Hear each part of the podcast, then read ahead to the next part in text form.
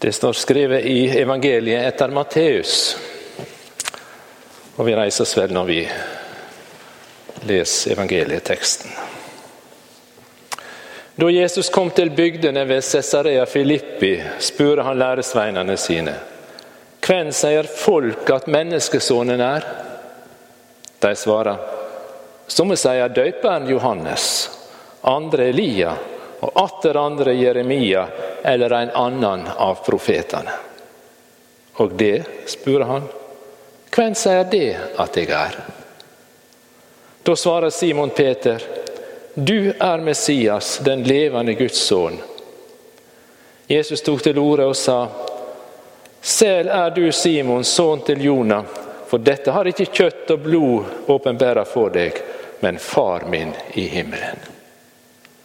Og det sier jeg deg, du er Peter, og på dette fjellet vil jeg bygge min kirke. Og dødsrike portene skal ikke få makt over henne. Jeg vil gi deg nøklene til himmelriket. Det du binder på jorda, skal være bundet i himmelen, og det du løser på jorda, skal være løst i himmelen. Så forbød han læresveinene strengt og sier til noen at han var Messias. Hellige Far, helga oss i sanninga, liksom ordet ditt er sanning. Amen.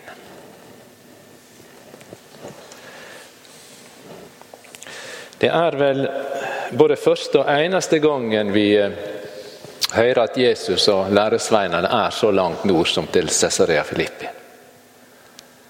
Nå var det egentlig ikke til byen de kom, men til bygdene omkring, står det. Men Cesarea Filippi ligger faktisk alt vel fire mil nord for Genesaretsjøen. Og Dit dro da Jesus sikkert for at han skulle få ro. Det var ikke jøder som bodde der, stort sett. Han skulle få lov til å forberede seg sjøl og læresveinene sine på det som nå skulle hende når påska nærma seg. Der var det kanskje ingen som kjente han. Disse bygdene, bygdelagene der og folket som bodde der, det var heidninger, de fleste av dem. De var av heidnisk ett. Og Det er fortalt at det var mer enn 14 templer for den gamle syriske Bal-tilbedinga.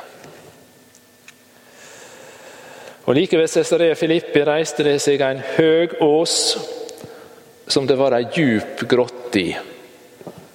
Og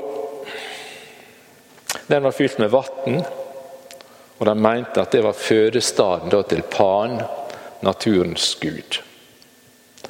Og Legendene om de greske gudene de samla seg rundt Cesarea Filippi. Som opprinnelig bar navnet Paninas, eller i vår tid Banjas. Og Under grotta der sprang jo kildene til Jordanelva fram som hadde så stor betydning for hele Israel. Herodes den store han hadde bygd et flott tempel der i hvit marmor, som han hadde tilegna til Cæsar, keiseren.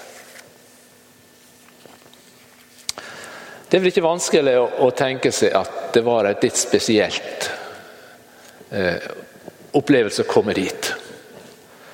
Og Der står Jesus i det heidenske miljøet med deres tilbeding av alt det der. Og Hvis vi taler menneskelig om Jesus, så var han jo en fattig snekker fra Nasaret. Han hadde med seg helt vanlige menn, fire menn. Fleste av dem var fiskere. Og Midt i dette svært religiøse området så står Jesus fram.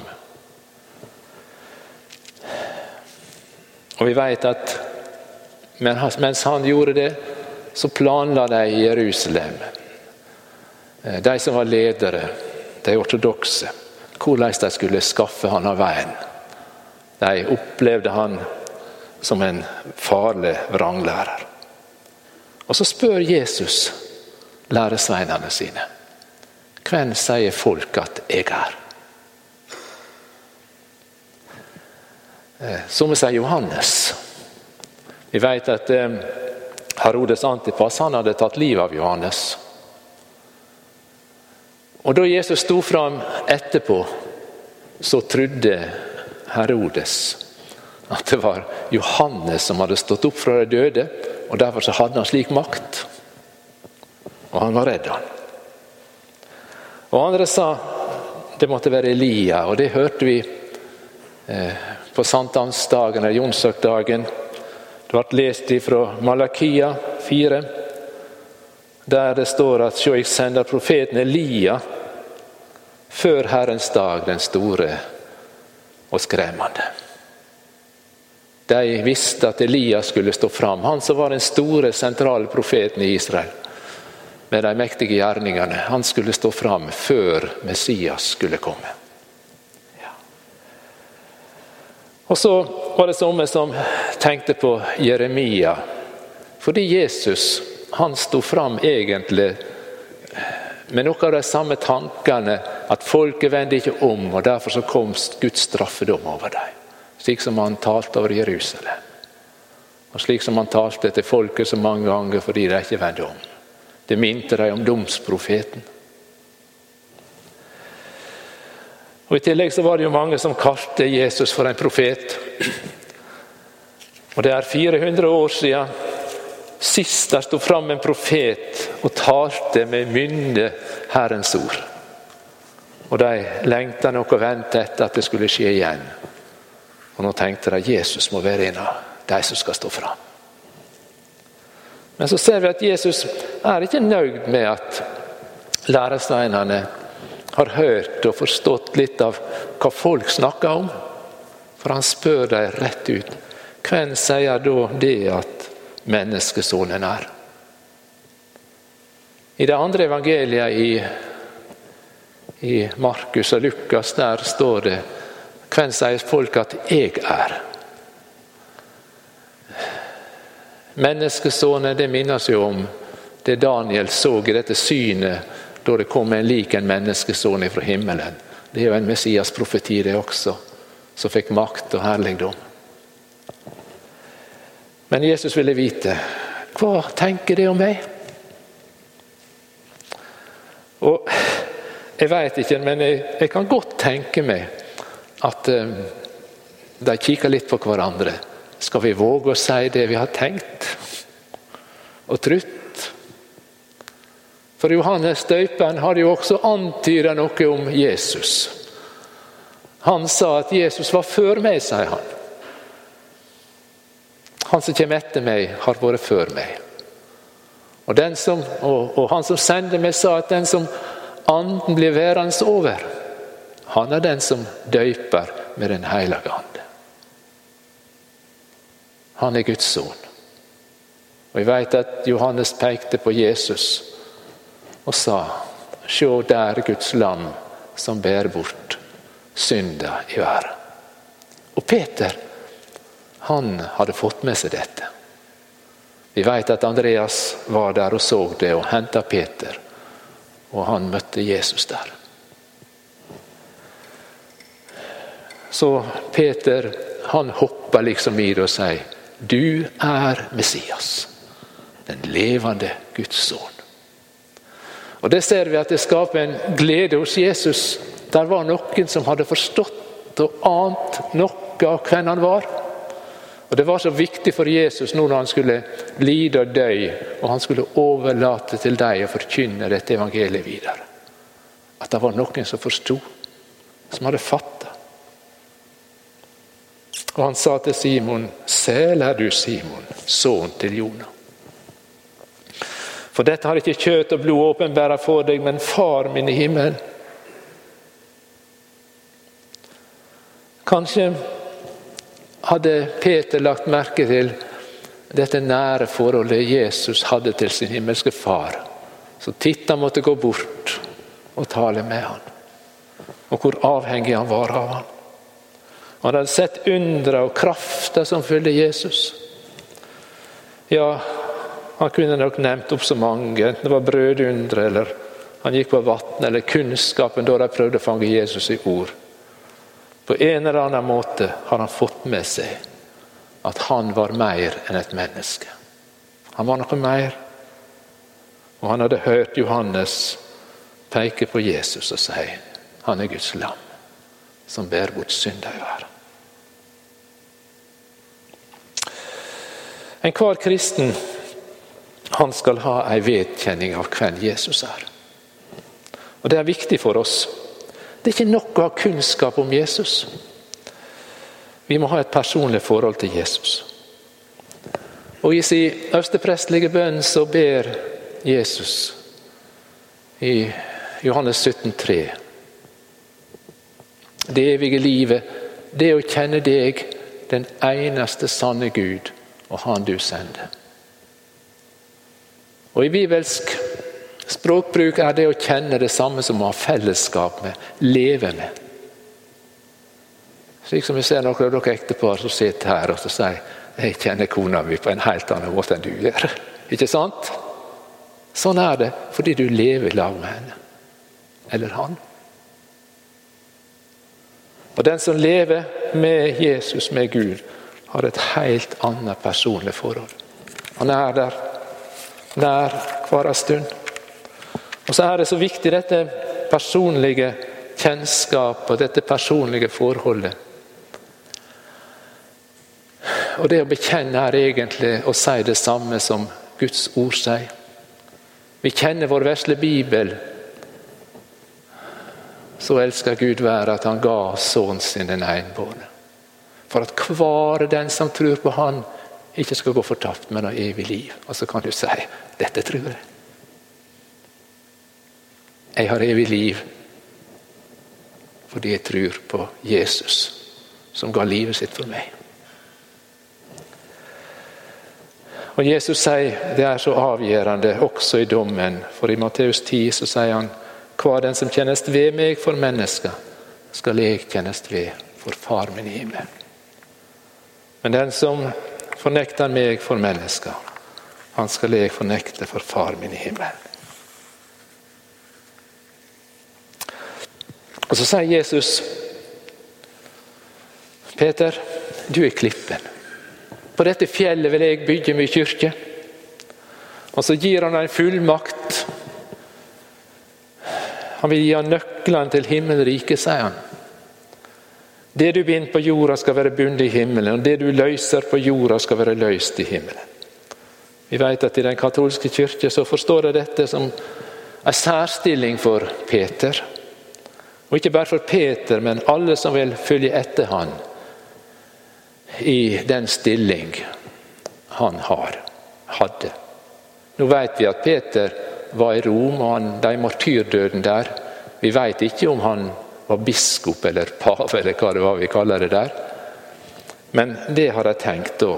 Og det er ikke utrolig at han var lederen for de kristne der. Det må vi regne med. Men det står ikke noe om at etterfølgerne hans skulle ha den samme makt og myndighet. Nei, men det står i Matteus 18 at dette er en makt som Jesus gir til alle som tror på ham. For når han taler til Guds folk i Matteus 18, så sier han sannelig, sier dere, alt det det binder på jorda, skal være bundet i himmelen. Og alt det det løser på jorda, skal være løst i himmelen. Dette er en fullmakt som han gir til alt Guds folk. Og I Johannes 20, 23, der han ander på dem og sender dem ut, så sa han tilgiv det noen syndene deres, er de tilgivne. Holder syndene fast for noen, så er de fastholdne. Og Vi bruker dette ikke minst hvis det er en som sliter. ikke sant? Han har gjort noe, eller han ber på noe som han aldri får ro for. Da bruker vi å løse den ved å si etter vår Herre Jesu ord og båd tilsier jeg deg alle dine synders nådige forlatelse for Jesus skyld. Og Det kan være godt å få gjort konkrete ting slik, og det er viktig. Men i den endelige dommen, da er det Jesus som har nøklene og makta. Og vi vet at i sendebrevet som står i åpenbæringsboka, så sier han til forsamlinga i Filadelfia dette sier den heilage og sannferdige. Han har Davids nøkkel, som åpner så ingen kan stenge, og som stenger så ingen kan åpne. Det er Han som har det siste og det avgjørende ord for oss alle. Og Vi kjenner til at Jesus brukte sin fullmakt da han vandra her, til å løse ut så mange mennesker. Han var venn med syndere og tollere. Han ble klandra for det. Han gikk inn til dem, åt med dem. Han var der for å nettopp nå dem. Det var for syndere han kom for å frelse. Og Han sier et ved over fariseerne og de skriftlærde i Matteus 23, 13. De hyklere, sier han. Det stenger himmelriket for folk, sjøl går det ikke inn. Og de som vil inn, hindrer det. Vårt kall er da først og fremst å forkynne evangeliet. Forkynne det slik at folk ser denne åpne døra. Gå inn til Jesus. Gå inn til Gud. Slik var det Peter fikk oppleve det på pinsedag, vet vi. Da han forkynte og mer enn 3000 kom til tru og ble døpt. Slik var han også den første som Dere husker han var i offiseren Kornelius' hus, ikke sant? Og når han talte, så falt anden på dem. Og han døpte dem der, og slik åpna han for hedningene.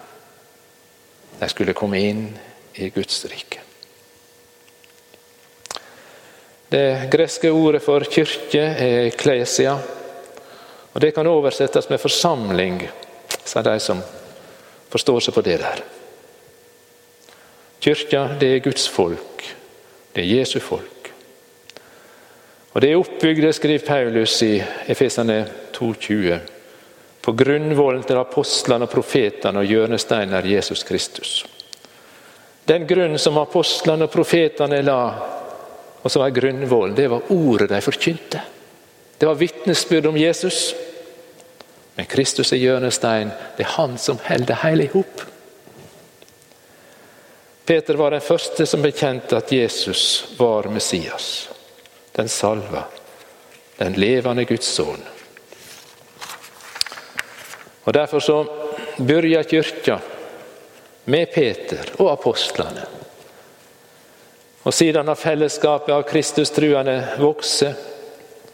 Og Det er ikke organisasjoner eller kirkesamfunn det her er snakk om, men det er mennesker som tror og tar imot Jesus som sin frelser og Herre og som vedkjenner seg Han og ikke fornekter Hans navn. Og Vi møter ofte dette at kirka blir sammenlignet med et hus som blir bygd opp. Og Peter skriver i sitt første brev, andre kapittel, Kom til Han, den levende steinen, som ble vraket av mennesket, men som er utvalgt og kostelig for Gud. Vær det levende steiner. Bli oppbygde til et åndelig hus, til et hellig presteskap og bær fram åndelige offer som Gud tar imot med glede ved Jesus Kristus. For det heter i Skrifta, sjå, på Sion legger jeg en hjørnestein, utvalgt og kostelig. Den som tror på Han, skal ikke bli til skamme. Og I teksten vår står det at dør, dødsrike portene skal ikke få makt over kirka. Jesus vil vake over sin kirke, sitt folk. Der vil være ei kristig kirke. Der vil være ei Kristi brud som venter på han når han kommer tilbake for å hente sine. Men forsamlinger og kirkefellesskap og organisasjoner, det vil kunne forsvinne. Slik som vi vet det gjorde med disse sju sendemenighetene som det er talt om i åpenbæringsboka. I apostelgjerningene 20 så hørte vi lest ifra den avskjeden som Paulus hadde med de ledende i Efesus, som de hadde der på stranda. i Milet. Og Der sier han ta vare på deg sjøle og hele den flokken som Den hellige ande har sett deg til å være tilsynsmenn for. Vær hyrdinger for Guds forsamling, som han vann med sitt eget blod. For jeg veit at når jeg er borte, vil det komme inn iblant dere grådige ulver som ikke sparer flokken, og mellom dykk sjøle skal det stå fram menn som far med falsk lære og vil lokke læresveinene med seg. Jeg syns dette er så aktuelt. For meg så går jo spørsmålet hva skjer i vår kirke? Har det her kommet inn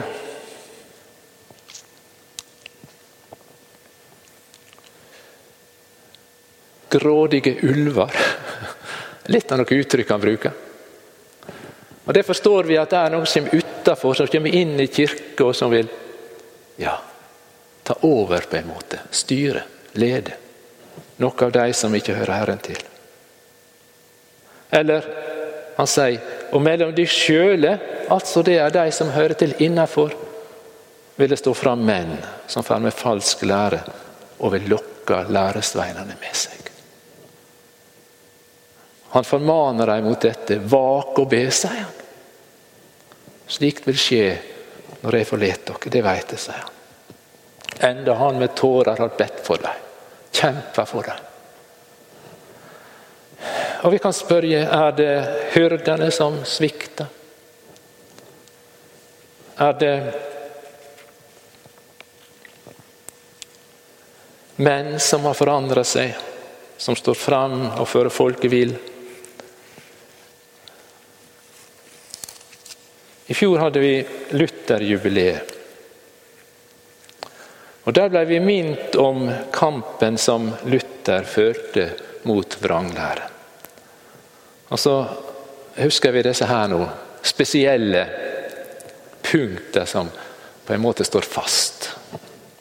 Skrifta alene. Trua alene. Nåden alene. Det er ved tru vi blir frelst, ikke ved gjerninger. Og så tenker jeg dette skal være med å hjelpe oss til å avsløre det som ikke er av Gud. Vranglære. Vi må holde fast på dette. I den katolske kirke har de tradisjonene ved siden av Skrifta som er viktige. Og Jeg har vært så mye med i karismatisk sammenheng og inn i trossammenheng at jeg, jeg vet at der kommer det gjerne åpenbaringer, syner, som en eh, gjerne legger så stor vekt på at det vil være med å styre og lede. Og så fører det galt av sted. I hvert fall av og til. Og i vår sammenheng blant liberale så hører vi ofte at de har forandra syn på Skrifta fordi de har møtt noe. Det har skjedd noe. Og så blir de medmenneskelige tingene og forholdet som blir viktigere enn forholdet til Gud. Og så har du kanskje lagt merke til, for det har mange registrert, at det er mindre snakk om forsoninga med den hellige Gud. Og Forsoninga dette at Jesus døde for oss for å frelse oss. Det er mye mindre talt om nå enn det var før. Fordi nå er det medmenneskelige forhold som er det en er opptatt av. Det er det i det politiske liv, og det er det som på mange måter er populært. det som er fortapelsen, f.eks. For eksempel, at det er to utganger av livet, det blir omtrent aldri nevnt. I hvert fall veldig sjelden. Og Der er også lærere som skal være lærere for prester. For kommende prester som faktisk talt fornekter eh, forsoninga. At forsoninga det gjelder vårt forhold mellom Gud og mennesket. Det var derfor Jesus kom, for å åpne veien for oss til himmelen. Og det er klart Når han ikke snakker om synd eller vil godkjenne synda fordi den eh, skaper skuldførelse, eh, dårlig samvitt, så trenger han heller ingen frelser.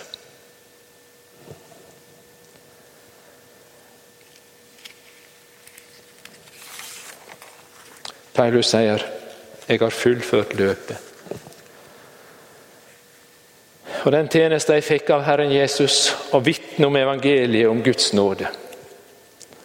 For jeg skammer meg ikke ved evangeliet. Det er ei Guds kraft til frelse for hver den som tror. Jøde først, og så greker. Evangeliet er denne Guds kraft som gir frelse. Og Da er det klart at vår kirke er bygd på evangeliet, ikke sant? For det Jesus gjorde. Og Derfor må vi forkynne det hvis folk skal bli sett fri. For det er ved nåde du er frelst. Ved tru, ikke med alt det andre du strever med.